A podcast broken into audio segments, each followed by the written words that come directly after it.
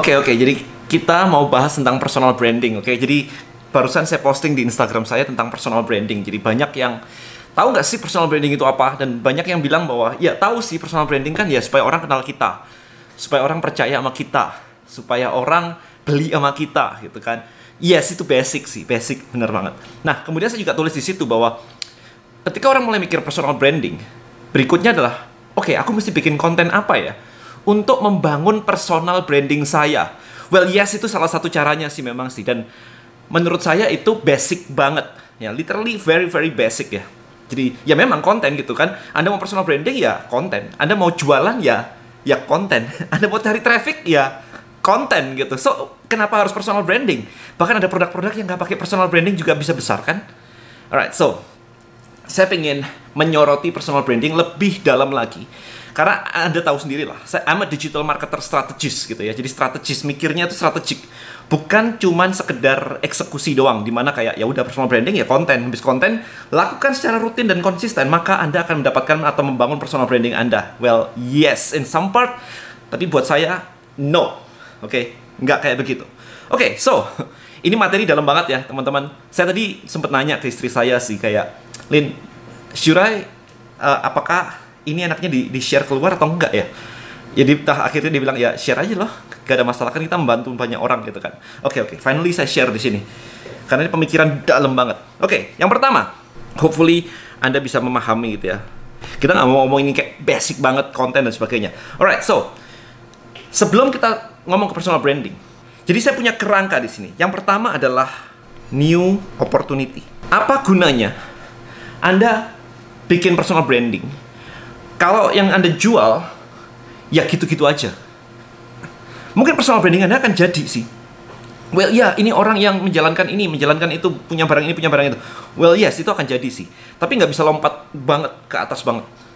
Anda mau yang very strong, very powerful. Jadi bisnis Anda sendiri harus menawarkan sesuatu yang disebut dengan new opportunity. Kalau Anda belum tahu new opportunity, I think saya punya videonya deh somewhere di sini deh. Video saya tentang new opportunity. Coba cek deh. I think semoga my team bisa nemuin ya. Itu udah agak lama gitu. New opportunity. Apa sih new opportunity? Um, new opportunity adalah sesuatu yang benar-benar baru yang I think kita nggak bisa compare itu dengan yang lain gitu kayak I think Steve Jobs is one of the best gitu salah satu orang yang terbaik untuk me, me, apa ya memunculkan new opportunity ini ketika dia memunculkan iPhone. iPhone dulu pertama iPod lah pertama kali ya di 2001 ya iPod. Dulu orang harus pakai CD-ROM. Nah, di situ dia bikin iPod dengan tag lainnya a thousands of song inside your pocket gitu. Jadi seribu lagu di dalam sakumu gitu kan. Habis itu booming banget. Dari situ dia membuat iPhone di 2007, iPhone pertama yang nggak pakai tombol. Kan sebelumnya ada BlackBerry ada Nokia semuanya kan pakai tombol semua. Itu yang pertama kali nggak pakai tombol gitu. Habis itu di 2010 dia launching iPad. Dia nggak ngomong tablet PC ya. Tablet PC itu a problem with with new opportunity. Jadi Microsoft sudah pengen membuat sebuah yang baru tetapi dia menamainya sesuai dengan yang lama yaitu PC which is kayak ini loh PC desktop dan ini loh um, tablet PC jadi desktop yang bisa dibawa-bawa as a tablet gitu dan nggak booming ketika diubah oleh Steve Jobs bahwa ini bukanlah PC yang bisa dibawa-bawa, PC ada di sini, handphone ada di sini, kita membutuhkan sesuatu di tengahnya. Jadi dia pinggirin begitu dan iPad-nya muncul begitu waktu itu. Yaitu device yang tidak sekecil handphone, terlalu kecil begitu, tapi tidak seberat sebesar PC atau laptop atau apa pun itu. Enak untuk consumption, nonton, baca, main-main kayak begitu. Makanya pertama nggak ada stylus kan. Pertama kali dia pakai ini doang gitu. Jadi dia menemukan sebuah kategori baru between PC atau komputer dan handphone. There is the new opportunity. Anda lihat ketika di Indonesia ada Deddy Kobusier dengan OCD-nya, dia memunculkan sebuah kategori baru di Indonesia, ya. Kategori baru OCD diet itu. Nah, itu yang disebut dengan new opportunity. Orang nggak ada yang ngelakuin itu semua. Uber, that's new opportunity. Zaman dulu orang panggil taksi begini kan lah kalau hujan-hujan gimana ya pakai payung sambil begini-begini gitu. Hari ini kalau Anda panggil taksi pakai cara begini, like lu gila ya ngapain begini sekarang udah ada aplikasi men. Lu ke mana aja gitu. So, new opportunity adalah sesuatu yang menyelesaikan sebuah masalah yang sebelumnya orang tuh nggak ngeliat bahwa itu bermasalah. Apa salahnya sih manggil taksi kayak begini? Hey, taksi gitu kan. Apa salahnya sih kayak begini? But once Anda menciptakan sebuah Uber menciptakan itu, suddenly yang kayak begini tadi jadi jadi kuno, obsolete gitu Nah, jadi itulah yang disebut dengan new opportunity. So what's your opportunity? Yang pertama. Oke. Okay. Kedua, itu disebut point of view, story. Kenapa sih ini harus muncul? What is the story gitu? Um, Steve Jobs tadi udah udah tahu ya point of view-nya dia bahwa ada PC, ada smartphone, dia tarik ini muncul di tengah gitu. Jadi that is the story. Oke. Okay? Nah, yang saya pakai di Tribelio adalah sama, Trap Wars, uh, Trap Wars, Trap Commerce. Oh, Trap Wars sih? Dari mana Trap Wars? Trap Commerce gitu. So Trap Commerce adalah sesuatu yang baru gitu ya. Habis orang itu jualan offline, habis itu jualan online, e-commerce, pakai website, orang harus bangun website dan sebagainya sampai ada Shopify, ada macam-macam ada BigCommerce, um, ada Magento, ya. Jadi tools untuk bikin website itu muncul di era itu. Nextnya adalah marketplace gitu ya di Indonesia ada Tokopedia, Bukalapak, Shopee, whatever gitu kan, memudahkan orang bahkan nggak perlu bikin website, langsung tinggal upload barangnya aja dan udah jualan gitu. But the problem kemarin yang saya bilang di Trap Commerce adalah the problem dengan marketplace adalah barang Anda bisa dilihat dalam satu halaman dengan kompetitor Anda semua dan diurutkan berdasarkan harga termurah.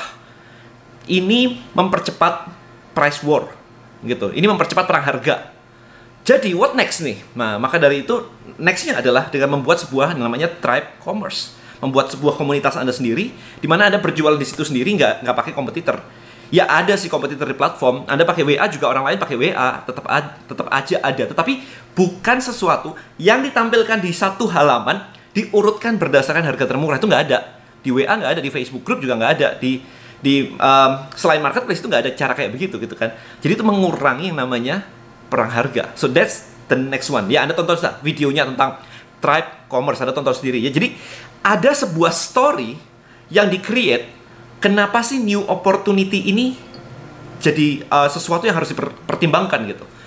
Nah ini ini panjang sih kalau ngomongin tentang kalau ngomongin tentang ini agak agak panjang juga sih karena um, bisa saja uh, point of view Anda dalam masa sekarang gitu. Anda menciptakan sesuatu yang buat untuk hari ini gitu. Ini a, bit offense guys. Sebenarnya ini materi DM Elite soalnya saya berusaha ngepres dalam sebuah video singkat kayak begini gitu kan. Kalau Anda punya ide sesuatu yang baru, bukan sesuatu, sesuatu yang bisa Anda jual hari ini, orang juga udah beli barang itu di tempat lain kan.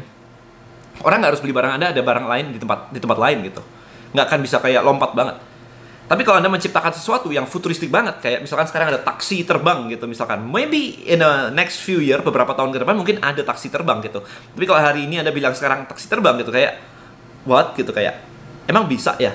Emang aman ya gitu kan. Orang jadi mau make aja ragu gitu kan. Jadi masih kayak gitu. Jadi create something yang tidak terlalu jauh ke depan banget, tetapi tidak di hari ini juga. Well, konsep ketika saya build Tribelio konsepnya juga kayak begitu. Tidak terlalu jauh ke depan banget tapi tidak yang hari ini juga. Kalau saya cuma jualan kayak hari ini juga kayak yang sudah ada kayak begini maka orang akan nanya apa bedanya produkmu dengan yang itu? Nah nggak mau kayak gitu. Yang disebut new opportunity nggak boleh di kayak begituin. Harus ada something new yang bilang bahwa ini berbeda karena ini kayak begini gitu ya. Jadi storynya apa? Nah habis itu kita perlu messenger orangnya This is the person, orangnya, orangnya. Jadi orangnya ini yang akan create the story. Jadi ini di sini, ini akan create the story, akan meng, meng apa ya, mengkampanyekan cerita ini. Itu gunanya messenger tadi. Nah, kita sekarang ngomong inilah gunanya personal branding. Maka di sini Anda berbicara tentang konten. Kontennya apa saja? Ya, kontennya ya of course cerita tentang story ini bukan random artikel. Oke okay, bukan random artikel. Jadi bukan sekedar anda upload upload upload upload terus upload aja gitu kan. It's a passive um, saya bilangnya waktu di DML kemarin tuh it's a passive content ya. Konten yang lama konten zaman dulu itu adalah passive content. Anda upload udah bye bye gitu kan. Orang biarin aja komen dan sebagainya. Nggak punya sebuah sudut pandang story tertentu. Nah konten yang pertama. Kemudian konten ini haruslah menjawab question, pertanyaan dari audience. Oke. Okay? Audience punya pertanyaan apa pun tentang new opportunity yang Anda tawarkan, ini harus di sini. Nah, nanti saya akan lebih masuk lagi ke personal brandingnya ya. Dan berikutnya ketiga adalah menjawab false belief. Saya punya video tentang false belief juga, tonton itu ya, tonton itu. Kalau Anda nonton um, kemarin, kalau Anda lihat di Instagram saya, saya barusan posting, ada teman saya yang bilang bahwa ikut mastermindnya Denny, ngobrol doang, makan malam doang, besok paginya saya udah dapat 100 juta. Itu cuman praktekin ini doang, baru ini doang. Itu udah 100 juta. Ya, mastermind harga, waktu itu mastermindnya harga, harga 80 juta, tapi dalam waktu semalam dia udah balik modal. Like literally happy banget kan? Udah senyum-senyum terus itu sepanjang hari itu. Dan itu di hari pertama. right. So, kenapa dibuat personal branding habis itu? Kenapa dibuat adanya personal branding? Nah, jadi udah paham ya tadi ya kontennya seperti ini. Nah, kemudian as a personal branding itself, kenapa gitu ya? Why? Karena teman-teman di sini karena di sini untuk membuat ini jadi si messenger ini perlu melakukan yang namanya movement. Oke? Okay? Movement. Apa sih movement itu?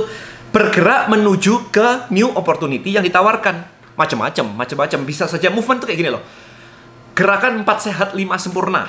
Minum susu kan? Ya jadi kalau new opportunity-nya pada saat itu jualan susu ya gerakan 4 sehat 5 sempurna itu orang semua beli susu gitu kan. Ada gerakan uh, anti sampah plastik gitu. Ya, it's okay. Semuanya membersihkan plastik gitu kan. Nah, sekarang apa movement yang bisa Anda ciptakan sehingga ini juga beneficial ke bisnis Anda? What is the movement? Macam-macam di situ. Gerakan anti sampah plastik misalnya tadi saya bilangin ada kemarin itu bikin gerakan membersihkan uh, sampah di laut habis itu sampahnya di di, di apa daur ulang kemudian jadi gelang kemudian dijual tuh jadi bisnis gede negara ya internasional um, inter, dijualnya internasional kayak begitu. Jadi itu. Nah sekarang untuk membuat sebuah movement itu butuh personal branding gitu. Why?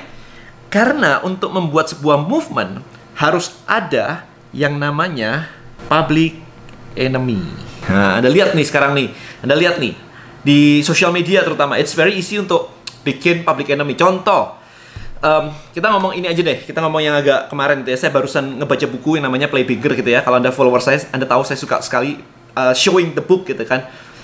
Ketika Salesforce, Anda tahu ya, Salesforce, sebuah perusahaan CRM ya, CRM ya, yang gede banget di Amerika itu cloud based. Jadi um, softwarenya itu nggak kayak zaman dulu pakai CD begitu. Tapi mereka sudah sign up lewat internet udah langsung daftar udah langsung bisa pakai. Ya jadi nggak nggak perlu pakai CD CD lagi gitu. Itu idenya mereka. Maka dia menciptakan public enemy yaitu kompetitornya dia. Kompetitornya dia waktu itu adalah CRM company juga sebuah perusahaan CRM ya database gitu kan. Tapi pakai CD-ROM jadi si Salesforce ini sampai minta izin ke kotanya City of I think San Francisco ya kalau nggak salah ya. City of San Francisco minta permit izin untuk memerangi software. Dengan alasan bahwa software itu kalau orang harus beli CD-ROM terus itu hurting American economy. Wow gitu ya. Sampai minta izin dulu gitu. Kemudian um, dia bilang kalau misalkan orang harus beli CD terus kayak begini bertahun-tahun dengan jumlahnya segitu banyak yang terjadi adalah ini jadi waste gitu, jadi apa sih limbah ya si Dirom tuh jadi limbah di tanah Amerika. Nah akhirnya di, di permitnya diizinkan, dikasih gitu sama City of San Francisco. Jadi akhirnya dia bikin public enemy-nya kita no software, we fight against software gitu. Software itu problem. Jadi dia create kayak begitu, creating public enemy. Jadi si ownernya itu langsung ngundang media, ngundang press gitu-gitu ya, um, untuk campaign ini public enemy-nya udah clear. Nah ini movement movement akan kuat banget kalau ada messengernya. Bisa nggak pakai sebuah company gitu? Ya bisa-bisa aja sih, as a company sih. Tapi orang itu lebih suka diajak move itu oleh orang. Makanya ini jadi kalau dalam sisi sosial media ini jadi pedang bermata dua. Kalau ada orang-orang yang hate speech itu sebenarnya movement sebenarnya kan. Pro sini nggak pro sini gitu kan. Lihat aja pro sini nggak pro situ gitu kan. It's called movement harus ada sesuatu yang dilawan. Nah, ketika ada sesuatu yang dilawan kayak begini, maka yang terjadi adalah dua kubu kan? Ada kubu satu, ada kubu dua, gitu. Maka menciptakan keberpihakan seperti ini akan membuat kontennya jadi viral. Ada orang yang akan pro di kubu satu, ada orang yang akan pro di kubu dua, dan itu nggak ada masalah. Tetapi mereka terfilter siapa pro saya, siapa pro dia, gitu. Nah ini ini strategi marketing sebenarnya. Nah, karena bisa terpisah kayak begini, maka movementnya bisa jadi. Sehingga mendukung point of view story dan akhirnya membuat opportunity-nya dia laku. So that's the power of personal branding. Bukan cuman content creator, teman-teman. Content creator doang Itu urusannya cuman di sini sama paling nggak di sini doang. That's it. Cuman ini. Right? So ini saya memberikan kepada Anda, this is the grand strategy dari sebuah personal branding yang kuat sehingga dia bisa menggerakkan opini. Kalau orang trust, Anda bilang tadi, oh trust, oh bisa dipercaya sehingga barang saya laku. Yes itu cuman kayak anda kayak lompat-lompat gitu ya. Anda lompat-lompat di sini sedikit di sini sedikit di sini sedikit. So ini loh yang disebut dengan grand strateginya personal branding itu kayak apa. Jadi urutannya rapi banget seperti ini. Ini memang materinya agak berat. Please saran saya anda cari deh di video saya itu banyak banget kok false belief lah itu banyak banget di YouTube saya personal branding kayak apa kemudian new opportunity anda seperti apa story Anda seperti apa, movement Anda seperti apa. Biasanya, sebelum saya akhiri, biasanya kebanyakan orang cuma mitu. Dia jual begitu, gua ikutan. That's it. Tidak memiliki new opportunity, tidak memiliki ini dan itu problem terbesar kenapa Anda perang harga.